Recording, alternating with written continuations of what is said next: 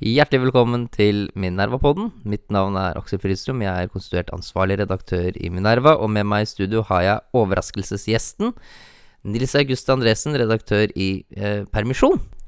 Og Nils August, hva syns du vi skal snakke om i dag? Jeg har ikke fulgt så mye med, men det er jo, det er jo mildt i været. Kanskje vi skal snakke om været? Ja, vi kunne jo. Og hva, hva har du å si? Nei, det er jo uvanlig mildt, da. Så det, ja, da har jeg ikke noe mer å si, egentlig. Vinteren eh, 2020, det var på en fredag. Det var på en fredag. Ja. Nei, altså jeg har jo så vidt fått med meg, Aksel, eh, også her fra eksil, at det har vært noe litt turbulens i regjeringen eh, de siste ja, skal vi kalle det to ukene. Eh, og at vi nå egentlig har fått eh, en litt ny regjeringskonstellasjon og veldig mange nye statsråder. Det, det, er en, det er jo noe vi kunne snakke om, det også, hvis du er interessert i den Det ville ikke vært unaturlig med tanke på hva, hva vi vanligvis skriver om. Nei, det kan ja. du godt si, for vi driver jo egentlig med politikk på borgerlig side, så sånn sett så er det jo egentlig hvitt i smørøyet, egentlig. Så hva har du å, å si om eh, den nye endringen? Det er jo da eh, Frp har gått ut. Eh, vi har fått utvidet regjering med mange nye statsråder fra Høyre, Venstre og Kristelig Folkeparti. Og hva betyr dette? Altså, jeg, jeg har skrevet to artikler i Minerva denne uken. eh, Mine første artikler omtrent fra, fra eksilet. eh, som eh, handler om Høyres posisjon oppi dette. Eh, Det ene går på hvordan Høyre skal håndtere Frp i opposisjon. For det har jo på en måte vært et marerittscenario for Høyre siden Bondevik II-regjeringen fra 2001 til 2005. Da Høyre mistet uh, veldig, veldig, veldig mange velgere til Frp i opposisjon og gjorde et veldig svakt valg i 2005 og opplevde det som en veldig krevende situasjon å stå i. Eh, og det er en situasjon man ønsker å unngå å havne igjen. Og så, så skrev jeg en artikkel også om eh, som, som het 'Etter Erna', om lederspørsmålet i Høyre. Det har ikke, det har ikke vært noe lederspørsmål i Høyre de siste ti årene, etter at Høyre og de gikk sterkt frem på målingene egentlig fra sommeren 2009, men, men etter valget i 2009 og, og passerte Frp eh, for, for, for akkurat ti år siden, i januar eller februar eh, 2010. Og, og så har på en måte Erna vært stjerna i Høyre siden den gang. Og det er hun på mange måter fortsatt, eh, men eh, FrPs utgang er jo et, et lite skudd for baugen for, for hennes liksom, kongstanke om eh, firepartiregjering. Eh, Men kanskje aller, aller viktigst så er det jo sånn at alle meningsmålinger det, i lang tid har pekt på at det blir en veldig krevende eh, valgkamp for, for hele borgerlig side i 2021. Og ved et valgnederlag i 2021, eh, hvor Frp da er ute av regjering og Høyre går i opposisjon, og så får man et betydelig behov for politisk fornyelse. Og spørsmålet er om Erna Solberg eh, måte bør Ja, om hun er motivert. er kan jo også være at hun ja, jo, om er hun motivert. er motivert, men om hun bør fornye et parti etter å ha vært leder i på det tidspunktet da 17 år. eh, Og vært den lengstsittende partilederen i Høyres historie. Og det er vel bare to partiledere i etterkrigstiden som har sittet lenger enn henne. Det er Einar Gerhardsen og Carl I. Hagen, som satt eh, veldig, veldig lenge. Så, så det, jeg har skrevet de, de to artiklene, og man kan jo se litt på de statsrådene som har kommet inn, litt i lys av det. Jeg vil begynne med å si at jeg tror eh, Høyre og de andre partiene har fått inn mange eh, gode navn sett med, med kjernetroppenes øyne. Altså fra de tillitsvalgtes øyne. Så Høyre har f.eks. fått inn Tina Bru, Henrik Asheim, som er eh, populære og godt likt i partiet. Og det er motiverende. Venstre har fått inn Sveinung Rotevatn og Abid Raja. Og sånn sett på en måte lagt litt lokk på den striden som er under, eh, under, under det lokket. Eh, og kanskje utsatt lederspørsmålet litt også. Eh, så både, både Sveinung Rotevatns tilhengere og Abid Rajas tilhengere kan i dag være fornøyd, og kanskje til og med Trine Skei Grandes folk kan være fornøyd. Mens KrF jo da har tatt inn uh, Knut Arild Hareide, som var et eh, også for meg egentlig overraskende valg. Er Overraskende for meg at han ville. Det er en litt spesiell situasjon, for han stemte jo nei til Granavolden-plattformen for bare ett år siden. Eh, og nå har jo Solberg sagt at man skal regjere videre på Granavolden-plattformen, og så kommer han da inn og er statsråd på den Samferdselsminister. samferdselsminister Til å bygge broer Mm. over ja. på den plattformen. Så, så det, men eh, når han da sier ja til det, så, så er det klart at det, det, man har sett mange negative reaksjoner. Frp er i harnisk, selvfølgelig. I harnisk også over Raja. Mange i Høyre er eh, har som sin første reaksjon at de er litt skuffet og sinte fordi det var mye vondt blod eh, mellom Høyre og, Hareide under KrFs eh, veivalgsstrid. Eh, men eh, jeg syns det ser ut som man har lykkes i å, å, spinne disse historiene med sitt positive fortegn, som de jo har. At dette er bidrar til samling og, og bidrar til å dra den røde fløyen i KrF tilbake igjen i prosjektet. Og skal jo huske på at eh, når ting får lagt seg litt, så er, det, er det jo denne regjeringskonstellasjonen som i alle år frem til, frem til veivalgsprosessen i KrF begynte, har vært også Hareides eh, uttalt foretrukne alternativ. Kan nok hende at han ikke uttalt har hatt andre alternativer, men, men, uttalt så har det vært det, og det har vært det alternativet som har samlet flest En kuriositet rundt dette er jo at Knut Arild Hareide eh, er den eneste medlemmet av regjeringen som står oppført så langt uten en politisk rådgiver. Det, det har vi også en sak om i dag, har jeg klart å lese fra eksilet på Minerva. Ja, altså det er jo i uh, I dag så ble det jo offentliggjort ikke bare nye statsråder, men også en hel liste over endringer i statssekretærer og politiske rådgivere. Og det er jo oppnevnt da en, en flust av nye politiske rådgivere. Men Knut Arild Hareide er jo foreløpig ikke oppnevnt sin, så han er den eneste statsråden som så langt ikke har en politisk rådgiver. Og det kan jo tenkes at det også er en grunn til. Ja, En bitte liten kuriositet til der, uh, Aksel. Det kan jo være at hans uh, tidligere politiske rådgiver på Stortinget, det er jo Emil André Erstad, uh, som var, ble sett som en av drivkreftene for venstre Sideprosjektet. Venstresideprosjektet, ønsket om å gå i, til Arbeiderpartiet.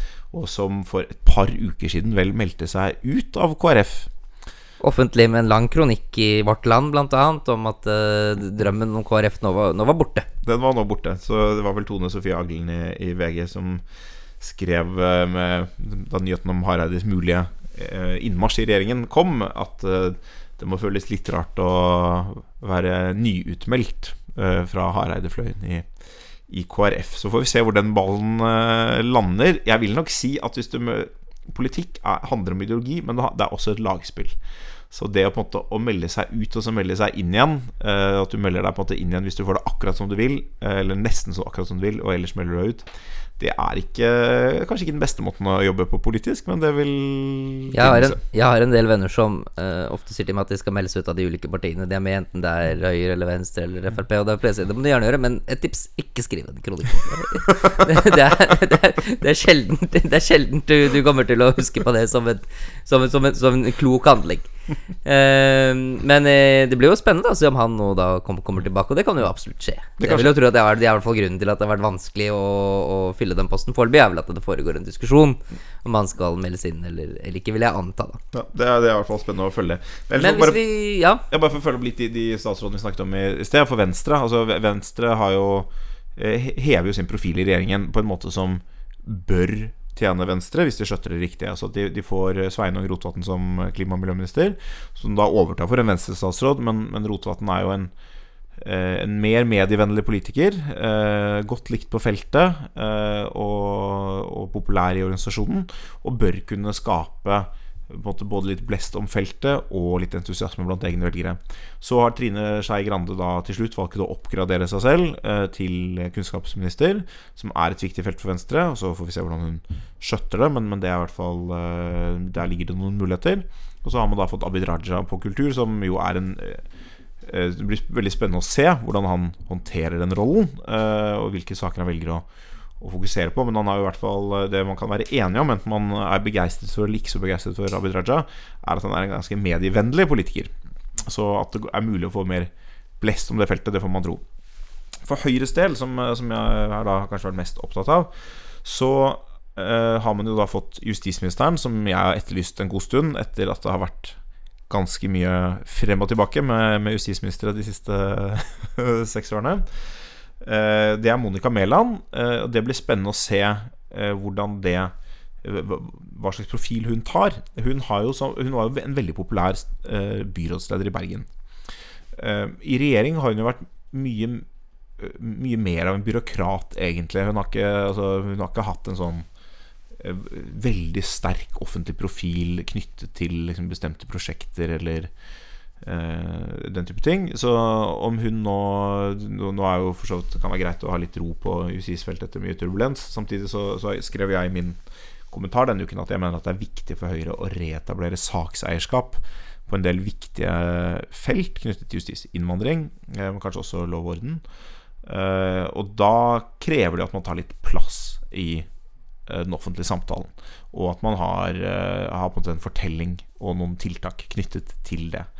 Så er det selvfølgelig en, rekke mer administrative altså andre typer prosesser. Man skal gjennomføre en nærpolitireform og den type ting, som, som, Erna Solberg sikkert er veldig opptatt av, og som Monica Mæland forhåpentligvis kan gjøre på en, en kompetent måte. Men, men, for Høyres del så tror jeg likevel det er viktig at, man, at Monica Mæland eh, tar mer plass, eh, og på en måte blir mer av den byrådslederen hun var, kanskje, enn en, en mer sånn bare en administrator. Eh, og da kan jo hun også bli en spennende politiker i andre sammenhenger senere. Men hvis vi kan gå litt forbi uh, selve personen, da. Så de er som kjent bare et middel for gradvis nedtrapping av formuesskatten gjennom først fjerne den på, på, på arbeidende kapital, uh, og heller liksom uh, se litt mer på liksom det, det, overordnede, sånn strategiske bildet. For det er liksom det syns jeg er, er, mest interessant. Og det er jo ikke noe tvil om, på sett og vis, tror jeg, liksom at det er kanskje litt, litt vanskeligere å, å, å styre en mindretallsregjering enn en flertallsregjering. Men man kan jo på en annen side si at altså, politikk er en slags komparativ idrett, da. Og det er jo mulig å se for seg at ja, kanskje det blir vanskelig for denne regjeringen, men har ikke kanskje også nå alle partiene egentlig kanskje fått en litt vanskeligere jobb? Altså Det kan bli vanskeligere for opposisjonen, altså drive opposisjonen kanskje til denne regjeringen, eller hva, liksom, tenk, hva tenker du om det? Altså, jeg tror det gjenstår å se. Jeg tror uh, i utgangspunktet så kommer opposisjonen til å, å være mot alt. Uh, og det er ikke så lenge igjen, så de kan på en måte slippe unna med det. Det er klart altså hvis, hvis, regjeringen vil gjøre det ekstra vanskelig for opposisjonen, så foreslår man jo selvfølgelig da veldig populære ting som er i tråd med ting opposisjonen har ment, og så kan de ikke med, liksom, stemme mot uten å miste ansikt eller uten å gjøre seg upopulær blant egne velgere. Men det er ikke sikkert det er så veldig mange sånne saker uh, å, å, fremme. Uh, så jeg tror sånn generelt så, så, vil jo Støre si at denne regjeringen må søke budsjettsamarbeid med Frp, og så kommer uh, i hvert fall Arbeiderpartiet uh, til, å, til, å, stemme mot. For Senterpartiet så blir situasjonen litt vanskeligere. Uh, som da konkurrerer både med Frp opposisjon og liksom med alle partiene rundt seg. egentlig Og det, det har vi jo sett et lite Jeg ser tilløp til det allerede til det i noen meningsmålinger. Ja. At det skal være litt mer konkurranse om de ja. velgerne som ja. Senterpartiet har vokst så, på. Så, men det kan jo både peke på altså, jeg, jeg, er ikke så sikker på at situasjonen blir uh, så veldig mye Altså Den blir vanskeligere på noen måter, så blir den lettere på noen måter. La meg si de måtene den blir lettere på. Og det har litt å gjøre med personene. Så jeg fortsetter litt på det. Og det er at det laget som er satt sammen nå med et lite unntak av Abid Raja, som, uh, som jo har vært en veldig sånn torn i øyet på, på, Frp, og også hatt samarbeidsproblemer med, med andre, i, spesielt til Høyre, så er dette både personer som går ganske godt sammen og har litt sånn komplementære politiske prosjekter internt i regjeringen. Et eksempel. Tina Bru, uh, olje- og energiminister. En spennende og viktig post for Høyre. Og en, ung politiker som jeg nevnte som, altså, som en av de som har vært nevnt som en ung og lovende Høyre-stjerne. Litt for ung, tror jeg, til, til liksom ledervalget eh, eventuelt etter eh, Eventuelt i 2022. Men, men, et viktig felt for Høyre, men et politisk veldig krevende felt. Fordi eh, oljepolitikken er omstridt, eh, også internt i regjeringen. Eh, vindmøller er omstridt, eh, kraftkabler er omstridt. Eh, så det er mange sånne hensyn som skal liksom, avveies og forhandles både internt i regjeringen og så utenfor. Men hvis vi begynner internt i regjeringen, så skal hun da i første rekke liksom, koordinere seg med Sveinung Rotevatn i klima og miljø. Og de er politikere som både snakker samme språk og, og, kan finne felles løsninger. Og så vil kanskje jeg si fra mitt perspektiv at det er viktig at de løsningene ikke blir dyre symbolpolitiske tiltak, uh, som det av og til blir. men, men uh, de kan samarbeide godt sammen. Men så skal de forholde seg til Frp, og der kommer problemet. Ikke sant? At det er, ja, det er blitt en litt, sånn, en litt, yngre og mer urban, uh, liberal regjering. Eh, som eh, populister av alle slag selvfølgelig elsker å rase mot, men også en del andre mennesker elsker å rase mot, av og til med noe, noen gode grunner. Så om de klarer liksom å, å holde riktig forhold til Frp og få gjennom sakene sine, det blir en, en utføring. Men jeg tror, det, jeg tror at det interne arbeidet i regjeringen blir lettere. Jeg er ikke sikker på om alle i Høyre tror det, eller trodde det, uh, før denne endringen. Man har opplevd at det har vært krevende å samarbeide med, med Venstre og KrF. Og man hadde liksom funnet en modus vi vivendi med Men det, men, men det er vel også litt åpenbart at jo færre medlemmer i regjeringen, jo enklere er det å samarbeide. Det enkleste ville bare blitt var ett medlem, kunne blitt enig med, med seg selv. Ikke sant? Men, Men, men, spørsmålet er er dette enklere eller vanskeligere enn eh, da man bare satt med Fremskrittspartiet. Og, og på noen måter så så, Jeg tror Høyre på en måte fant ganske raskt liksom en samarbeidsform med Frp som i en viss forstand fungerte for Høyres del. Og så ble den samarbeidsformen ble veldig krevende å opprettholde når regjeringen ble utvidet. Og så opplevde man det som et problem med Venstre og KrF.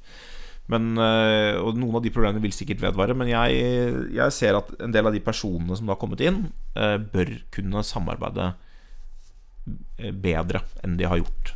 Så det, det kan være positivt. Jeg har jo lenge ment at for Frp så, så er det Med de problemene partiet har hatt, så er det lettere for dem å være utenfor. eh, Og så får de gjøre opp status om liksom halvannet år om de skal være et potensielt regjeringsparti, eller om de ikke er et potensielt regjeringsparti. Og det, det må det partiet finne ut av.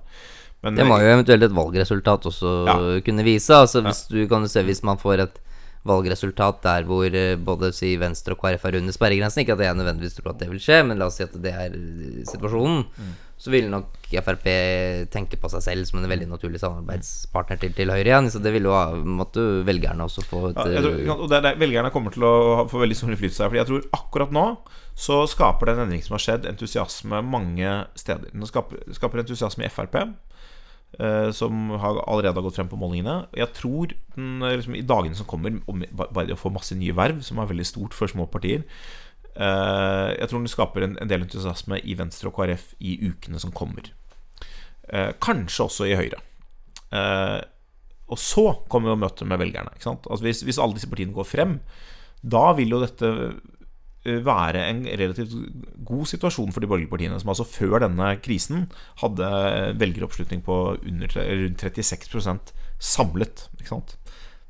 Som jo er en katastrofe med tanke på. Hvis nå alle partiene går frem, som de for så vidt i teorien godt kunne gjøre Høyre ser vel ut til å kanskje uh, ligge, ligge dårligst an, lekker til Frp, men, men uh, hvis- de samlet går en del frem, så, så vil dette være en situasjon som uh, hvor kjernetroppene og de tillitsvalgte er ganske, ganske entusiastiske. Hvis det derimot ganske tidlig begynner å butte, da, da er situasjonen veldig krevende. Og da nærmer vi oss på en måte Bondevik II-situasjonen. Så spørsmålet er Får denne endringen i regjeringen Vrir den noe av det politiske fokuset? Eller vil, vil, vil det fortsatt være sånn at mye av agendaen settes av, sant, av Senterpartiet og eh, kritikk av eh, urbane eliter i Oslo, vindkraft osv. Da sitter jo den regjeringen der akkurat med de samme problemene som den har hatt. Og så har man jo fortsatt da uløste problemer fra, fra i høst. Nav-skandalen er jo ikke liksom behandlet av Stortinget. Det er masse sånne negative saker som kan komme og, og forpurre denne positive historien som, som man nå antagelig vil forsøke å, å få frem. Men eh, mitt førsteinntrykk av, liksom, av selve endringen er at eh, de personene som kommer inn, og de, de posisjonene de har fått, er egnet til, hvis de blir brukt riktig, å skape begeistring internt. Og det er ganske viktig, fordi det har litt å si med Ikke minst når er, man nærmer seg en valgkamp, at man klarer å skape entusiasme i, egen organisasjon, er en forutsetning for at man kan overbevise velgere også. En dynamikk som eh, jeg ser, som jeg tenker litt over, er at eh, når Frp nå går ut, så er jo noe av det første de vil forsøke å gjøre, er å, å forsøke å få ta, ta noen av disse Senterparti-velgerne. Så du vil jo få en, en type opposisjon til regjeringen som Senterpartiet og Frp eh, konkurrerer om å liksom fylle. Eh, Senterpartiet kanskje er kanskje noe bedre posisjon til å gjøre det, fordi at de ikke er støtteparti liksom i, i Stortinget. Men jeg tror at Frp er, er, er, vil være klare å dobbeltkommunisere holdt jeg på å si, ganske, ganske godt til den rollen. Uh, I hvert fall foreløpig gjør det. Uh, så vil du da også ha en annen form for opposisjon, som er den opposisjonen som, som Gahr uh, Støre-leder og Arbeiderpartiet står for, som er mer liksom de klassiske venstresidepartiene. Og eh, en ting som jeg lurer på om kan skje, at det faktisk kan ende opp med å skape ytterligere problemer for Arbeiderpartiet. Fordi at hvis du kan jo f.eks. se for deg La oss ta eh, eh, det- dette NorthConnect, da, som er denne, denne kraftkabelen. Eh, så vil jo da nå antagelig regjeringen De vil jo stå på sitt og si at vi skal bygge denne kabelen. Dette prestisjeprosjektet egentlig deler av Venstre og miljøbevegelsen å få bygget denne kraftkabelen til, eh, til UK. Eh, eh, Senterpartiet og Frp sier at de skal være mot. Og det tvinger jo da Arbeiderpartiet til å egentlig måtte velge mellom hva de vil gjøre. Altså Vil de være et, i denne saken være støtteparti for regjeringen, Eller vil de være en del av eh, denne andre delen av opposisjonen, som Frp og Senterpartiet eh, representerer? Og det som er jo ekstra ulykksalig for Arbeiderpartiet, er at den konfliktlinjen også går gjennom Arbeiderpartiet. Så de ville jo med denne nye dynamikken egentlig bli hele tiden tvunget til å gjenoppleve eh, en slags intern konflikt da, gjennom hvilke saker som kommer til Stortinget, og hvor Arbeiderpartiet liksom må velge egentlig om de vil være en form for opposisjon som store deler av eget parti ikke ønsker å være, eller om de ønsker å være et støttehjul til regjeringen. Jeg er enig i det. Altså, det. Det kan jo bli enda verre. Det er forstått en situasjon som jo har plaget Arbeiderpartiet ganske lenge, og er en del av forklaringen på at partiet har slitt såpass betydelig. Eh, Og det, jo og det vises jo i forhold til Senterpartiet. Så, Arbeiderpartiet trives jo best når de er i opposisjon til Høyre langs en høyre-venstre-akse. Og de trives ikke så godt når de politiske sakene gjør at det er Senterpartiet som er, i, er hovedopposisjonen til Høyre. For da er selvfølgelig Senterpartiet splittet Nei, da er Arbeiderpartiet splittet. Høyre er også splittet i de spørsmålene, men normalt mye mindre enn Arbeiderpartiet. Så, og det, det, jo, det gjelder jo type saker som altså Viken, altså regionreformen. Skal Viken oppløses? Frp har liksom hintet om det. Det er jo en, en, Akkurat Viken er en konstruksjon som ikke egentlig Jeg vet ikke hvem som var for det. Det er vel formodentlig KrF som var det partiet som i sin tid var for akkurat den konstruksjonen. Men, men eh, nå er den jo etablert, og regjeringen vil nok holde på det. Og så er spørsmålet hvis Frp stemmer eh, Stemmer Frp kan jo stemme mot og for hva som helst. Vi får se hvordan de oppfører seg i opposisjon, men de, de kan tenkes å gjøre det. Eh, Arbeiderpartiet har jo signalisert at de er for å oppløse det, Eh, men om de er villige til å stå ved det når det kan få flertall, det er en helt annen sak. Det er mange ting man kan si i opposisjon så lenge det ikke får flertall. Men, og hvis man sier at man vil stemme for det, eh, så er det jo selvfølgelig da sant, en, en, en lyserød, lilla styringsfløy i Arbeiderpartiet som ikke er så begeistret for den type Arbeiderparti. Og det vil vi få se i vindkraft. Vi kan få se det i, eh, i andre vekst- og vernsaker. eh, Sånn, så det, blir, eh, det, det kan absolutt plage Arbeiderpartiet. Om det, er, om det er en veldig stor nedside fortsatt, det er jeg ikke så sikker på. Så de, nå ligger de jo liksom rundt 25% og de har tapt sikkert liksom åtte, fem, mellom 5 og, og 10 prosentpoeng til, til Senterpartiet gjennom de siste eh, fire årene. Så, så det er eh, mye har allerede gått dit. da Hva mener du er den beste måten partiet Høyre kan spille sine kort på? Hvis du skal si noe kort om det.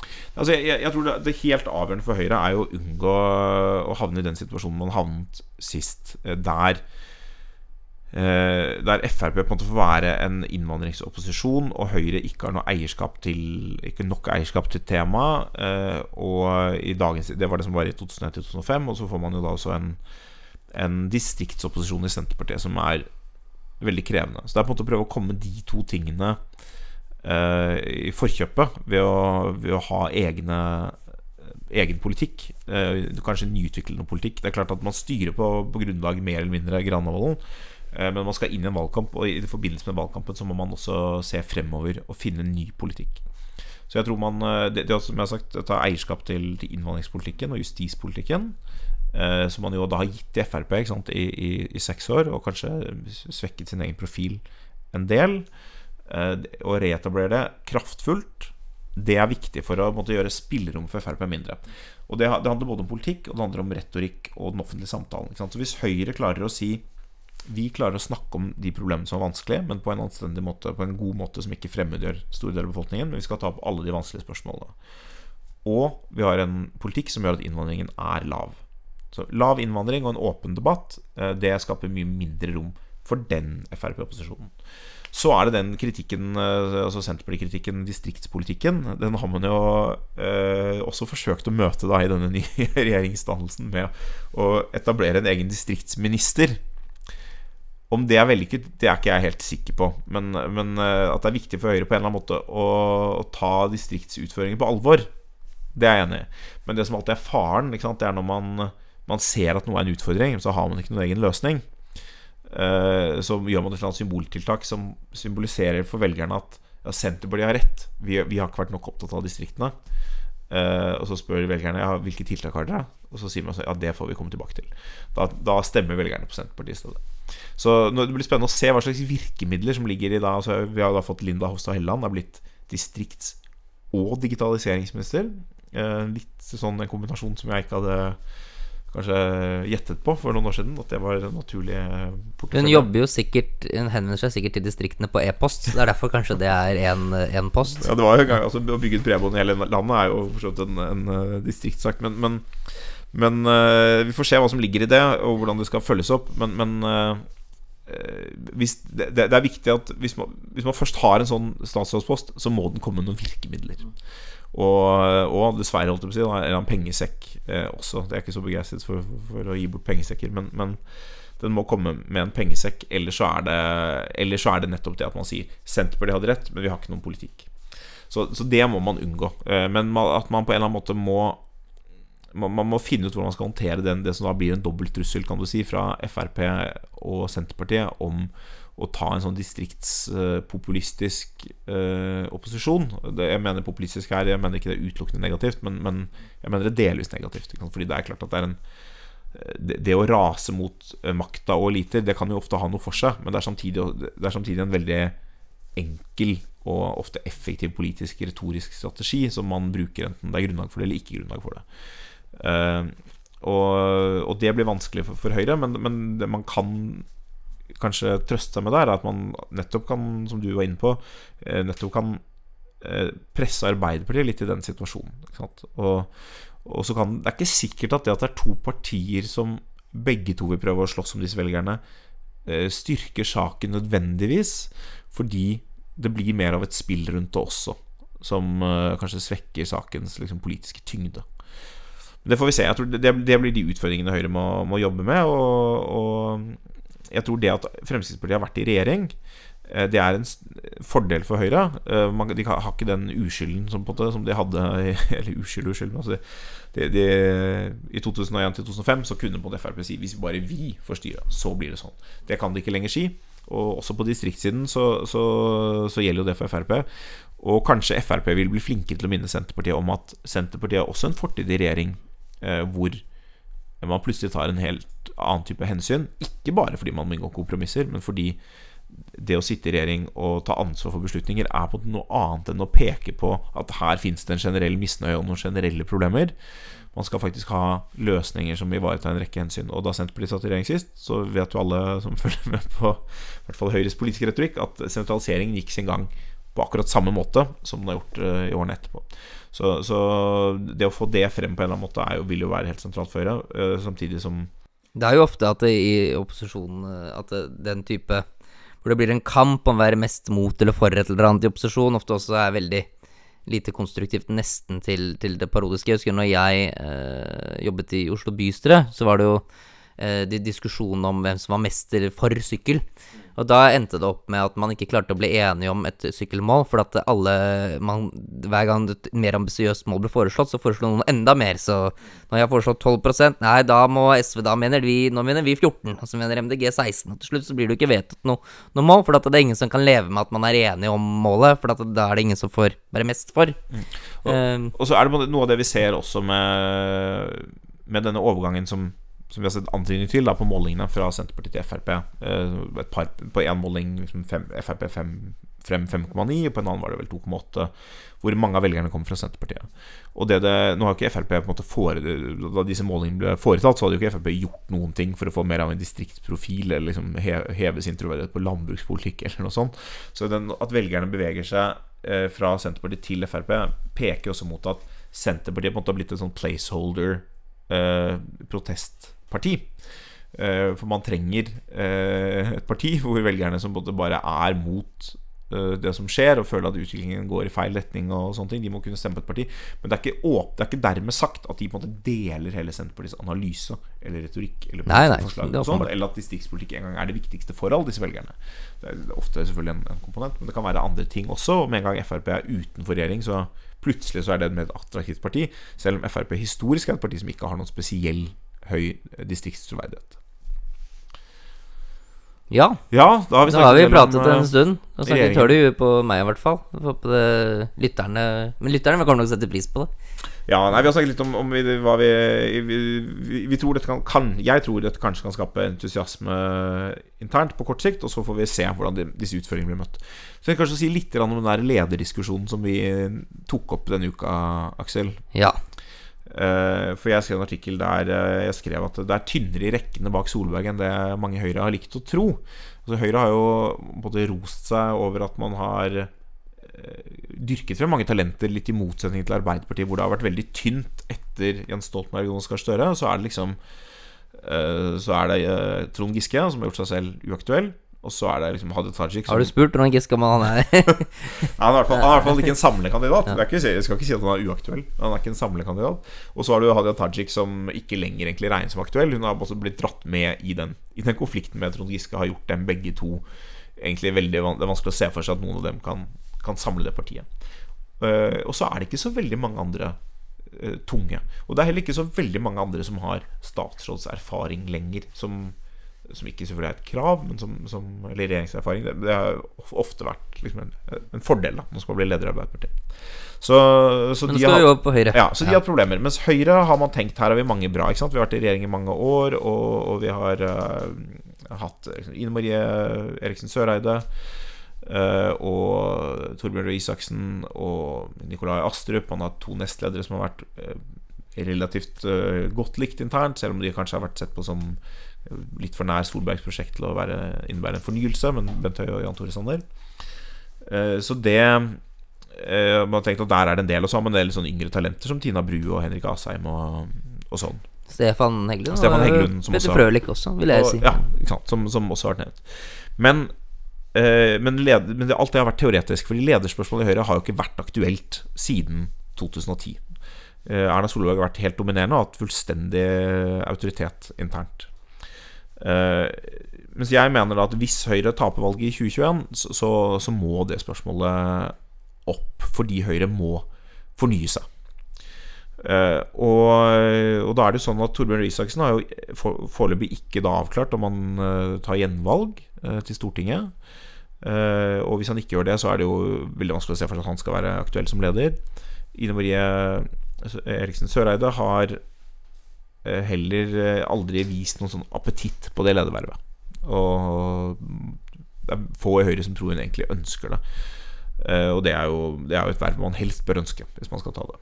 Ja, Jan Petersen sa en gang om hvordan han ble leder, da at alle andre tok et skritt tilbake, og han ble stående igjen. Ja. Så hun kan jo kanskje Ja, ja det, det, er mulig, ikke sant. Men det er, det er en litt krevende, krevende at begge de to som har vært på til kronpris og kronprinsesse, de har ikke eh, signalisert veldig tydelig at det er noe de ønsker.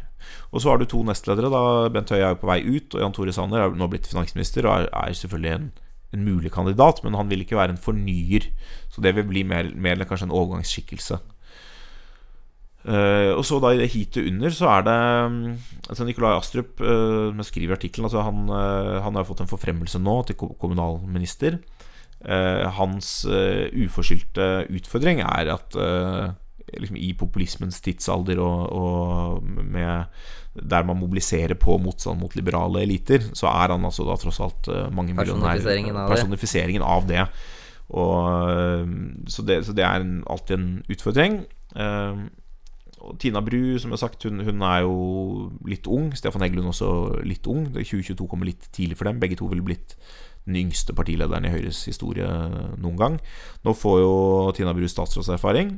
Så det er bra, får vi se hvordan det går. Uh, men det jeg har pekt på liksom, ut fra den gjennomgangen, er at av disse kandidatene som har vært nevnt, så er det da Henrik Asheim som måtte fremstår som den som uh, ikke, ikke er uaktuell, da. det, The Dark Horse, eller dark horse, en ja, så, så, eliminasjonsmetoden peker liksom i retning av Så kan det jo være andre, helt andre navn. Altså, alt fra Monica Mæland til, til uh, en eller annen ordfører som vi ikke har hørt om ennå.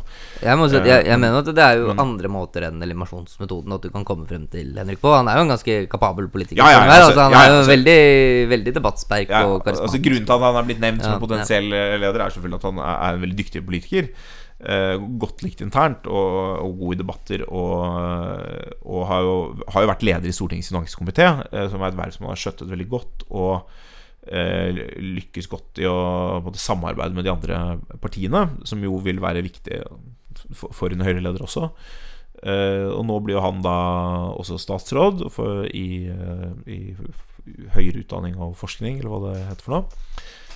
Så det blir spennende å følge med på det. Men, men hovedpoenget i artikkelen min var jo på en måte at det er tynnere i de rekkene enn man har likt å tro. Og Derfor blir det spennende å se nå hvordan de de, de som, Særlig de to nye. Ja, de to nye, og, så, og hvordan de som fortsatt kan være aktuelle, hvordan de nå skjøtter sin, sine verv i en ny situasjon uten Frp, hvor Høyre blir nødt til å ta mer plass. Altså Høyre har jo på en måte vært sånn limet i det borgerlige samarbeidet, og, som har gjort seg selv litt anonyme fordi man har kommet frem til kompromisser mellom Frp og Venstre som liksom Høyre på en måte har kunnet leve med. Sånn er det jo ikke lenger. Ikke nå, du spurte om hvordan skal Høyre lykkes i regjering nå. Nå er det jo Høyre som er høyresiden i regjeringen, og må, og må fronte det. Uh, og, og, ta mer rom uh, og vise hva som er Høyres politikk. Uh, og, det, og, det, gir også et spillerom for disse politikerne til å markere seg og bygge både synlighet og troverdighet før, før valget i 2021. Eh, men nå har jeg snakket veldig mye om, om regjeringen, Aksel. Eh, men vi lurer på om vi skulle ta et lite sånn tilbakeblikk på, eller på en annen sak, nemlig det som utløste regjeringskrisen. Du mener IS-kvinnesaken? Vi kan ha en veldig kort uh, gjennomgang. Vi har jo pratet lenge. Vi har pratet men, lenge, ja. Jeg bare så en veldig spennende sak i Minerva i dag, skjønner du, Aksel, om IS-kvinnen. Ja, vi har i hvert fall forsøkt å nøste litt i de hendelsene som var forut for at man, man hentet henne tilbake. Og Eh, det som vi da i hvert fall klarer å finne ut av, litt basert på åpne kilder, for dette har jo vært omtalt i, i uh, NRK og VG også før, er at uh, helsetilstanden til dette barnet begynte å forverre seg i august. Eh, men det som jeg syns har vært kanskje litt lite fremme, er jo at etter det så var det gjentatte forsøk på å gi dette barnet medisinsk behandling i Syria. Eh, men det takket da eh, kvinnen, i hvert fall hvis man skal tro hennes advokat, som uttaler seg til NRK og VG, nei til gjentatte ganger. Uh, først under påskudd om at Eller en, egentlig en anklage, ikke påskudd, men en anklage om at hvis, hvis hun gjør det, da, så vil det, det er bare et påskudd for liksom å, å ta barnet fra, fra kvinnen. noe UD da sterkt benekter, at de slett ikke har, har noen planer om å gjøre det, men at de bare ønsker å, å videreformidle det eh, World Health Organization sier, at eh, dette barnet må til et sykehus, og det sykehuset er ikke i denne leiren. Og derfor må du være villig til å sende barnet ditt dit. Og til slutt så gjør man jo gjør man jo også mulig for kvinnen eventuelt å, å, være med til dette sykehuset og få behandling for sitt barn der. Men også det sier jo da kvinnen, kvinnen nei til. Eh, og det syns jeg er en ganske interessant forspill da, til denne saken, som det er jo vanskelig å, å, vite nøyaktig. Det kan jo også være at uh, jeg har jo egentlig forståelse for hvorfor denne kvinnen og eventuelt advokaten liksom mistror norske myndigheter. Her har man jo sagt liksom som en uttalt policy at uh, vi er villige til å hente inn barn, vi er ikke villige til å hente inn kvinner. Så jeg kan jo godt skjønne hvorfor de liksom de, de, de mistror det. Men det er jo, kan jo samtidig også se ut som at man faktisk ikke her var var villig til å, å gi barnet med, medisinsk behandling, for å kanskje potensielt også bruke det som et forhandlingskort. Mm. Altså det, grunnen til at dette er interessant, selvfølgelig er at uh, dette danner jo bakteppet for en for, i og for seg dramatisk politisk hendelse i Norge. Altså at Frp går ut av regjering, og at firepartisamarbeidet uh, er slutt. Uh, og så er spørsmålet Grunnen til at dette har blitt, blitt veldig debattert nå, er jo at Jonas Gahr Støre i debatten denne uken jo da stilte spørsmålstegn ved, ved bruken av ordet 'antatt syk' at gutten er antatt syk, kan man bekrefte det. Kan man ikke bekrefte at gutten er syk, og så kan man ikke da gjøre det. Dette er ja, det, det deles pga. kvinnen selv, da, som ikke vil Ja, ikke sant. Så, så dette, dette, er jo juridisk viktig omstridt, og det blir spennende å følge hvordan det går fremover. Altså, er, Hans Fredrik Martinussen, jusprofessor i Bergen, har jo sagt sånn altså, kan, dette, dette, kan man ikke si. Det er taushetsbelagt, det er helseopplysninger. Man kan ikke uttale seg om det utover det som uh, de pårørende eller som mor liksom, gir samtykke til, utover det som allerede er offentlig kjent. Utføringen med det er selvfølgelig at det betyr at nesten hva, uansett hva mor har sagt før, så kan man ikke da på en måte korrigere det. Eller hva advokaten har sagt før, så kan man ikke korrigere det. Og grunnen til at det er relevant, er selvfølgelig at dersom en del av konflikten internt i regjeringen har vært om grunnlaget for å måte, vurdere barnets helsetilstand har vært for dårlig, eller burde vært bedre, eller man kunne fått bedre, eller burde vurdert annerledes Dersom det er en del av bakgrunnen for konflikten, så er det selvfølgelig offentlighetens interesse. Og så må det veies mot, mot andre hensyn. Men det, man ser at det nøstes litt i, i medier. Uh, og, og det, Aftenposten har en sak i dag hvor de liksom stiller spørsmålstegn ved noen av eh, disse tingene. Jeg, jeg Men det, er- men det er vel åpenbart at eh, regjeringen liksom selv kan vel ikke bare ringe til et sykehus og liksom få vite informasjon om denne personen og så offentliggjøre det? Nei, altså jeg tror man både må si at eh, ikke Den beslutningen regjeringen har tatt, har de tatt øh, de mener, sant, på bakgrunn av den best mulige informasjonen som de hadde tilgjengelig. Og hvorvidt den er riktig eller ikke, det er liksom litt sett fra deres perspektiv beside the point. Hvis det viser seg at informasjonen enten har vært gal, eller at mor er brukt som et forhandlingskort, eller at, eller til, at det til og med liksom har vært, øh, kommet med uriktig informasjon, øh, så endrer ikke det på grunnlaget for den beslutningen som ble tatt fra regjeringsperspektiv. Frp vil nok prøve å spinne dette helt annerledes dersom det viser seg at det liksom er huller i disse eh, historiene. Eh, Men det som er litt interessant med diskusjonen i offentligheten, er at man har en veldig sterk forlang som sier vi må, vi må til bunns i dette her. Det er helt avgjørende. Og så er det en sterk gruppe som sier sånn det er helt irrelevant. Nå, nå skal vi være glad for at en gutt har kommet hjem til Norge og fått hjelp. Begge de gruppene bryr seg ikke egentlig om helsetilstanden til gutten. Den ene gruppen har uansett vært mot at man skulle gjøre dette. Den andre gruppen har uansett vært for at man skal hente hjem både mor og barn eh, uavhengig av helsetilstand. Så, men, eh, men for det faktiske politiske For historien er det interessant for begge grupper. Ja, altså for den politiske beslutningen som ble tatt, så var jo dette avgjørende. Så jeg mener at det er en veldig viktig politisk sak. Det er en naturlig journalistisk interesse. Og så må den veies på selvfølgelig mot noen, sånn, noen hensyn til barns helsetilstand. Men det er ganske spesielt da, på en måte om man ikke kan Om det faktisk er sånn at det er umulig for UD å si noen ting om hvorvidt denne gutten er syk eller ikke, hvorvidt noen av de diagnosene som har vært stilt, eh, er riktige eller ikke, hvorvidt liksom alt er bra med ham eller ikke. Hvis offentligheten ikke skal få vite det i det hele tatt, så er det, er det pussig. Jeg er ikke noen ekspert på rettstilstanden, men jeg det, jeg synes, alt er interessant. Er at det er veldig ofte sånn Når man får den type saker, så får man veldig ofte en av annen jusprofessor som sier dette er umulig. Eh, Dette er ulovlig, dette er feil. Og så går det litt tid, og så viser det at det finnes en annen jusprofessor som sier eh, kanskje det går an. Jon Westerlås har sagt f.eks. for eksempel at kanskje det er lov å si noe. Man kunne jo i hvert fall tenke seg at eh, her er du en, en anonymisert person, hvis, hvor det eneste man vet om personen, er at vedkommende har muligens denne diagnosen. Og dersom du eh, sa at eh, vedkommende ikke har den diagnosen likevel, så har vedkommende de facto blitt mer anonym, egentlig. Du har fjernet ting som muliggjør å gjenkjenne vedkommende. Ja, altså jeg tror man, Spørsmålet er er barnet identifis identifiserbart. Altså Det er det i en viss forstand fordi man vet at mor er eh, en, en kvinne. Det er ikke noen vet vel hvem denne kvinnen er, formodentlig. Så, så, men det blir spennende å se hvor mye det liksom, jeg, jeg gjetter på at dette kommer mediene til å nøste i, og det kan godt hende man finner det også. Og så er spørsmålet kommer det til å si, ha noe å si for liksom, tolkningen av alt dette her i offentligheten. Og, og jeg tror kanskje at det ikke kommer til å ha så stor betydning. Så med den lille bismaken så, så får vi bare Er oppsummere. podkasten avsluttet? Ja, og vi må oppsummere opp at vi, vi gleder oss til å se om det blir entusiasme for dette, dette nye trepartisamarbeidet. Men aller viktigst kanskje, Aksel? Eh, er at eh, man bør tegne et abonnement på Minerma dersom man er interessert i, i disse tingene. Og Ja. følge det videre. De som er interessert i borgerlig politikk, og de som er interessert i ikke-borgerlig politikk, bør tegne abonnement på Minerma. For det bør man nesten ha som et liksom, dannet menneske i, i Norge i dag, syns jeg. Ja, og Hvis du har giddet å høre gjennom hele denne podkasten, så er du definitivt i målgruppen. Ja, det, det tror jeg vi kan si. Og for alle dem som ikke har hørt gjennom hele, så vil jeg oppfordre også dem til å tegne abonnement. Ja. Takk for i dag. Takk for i dag.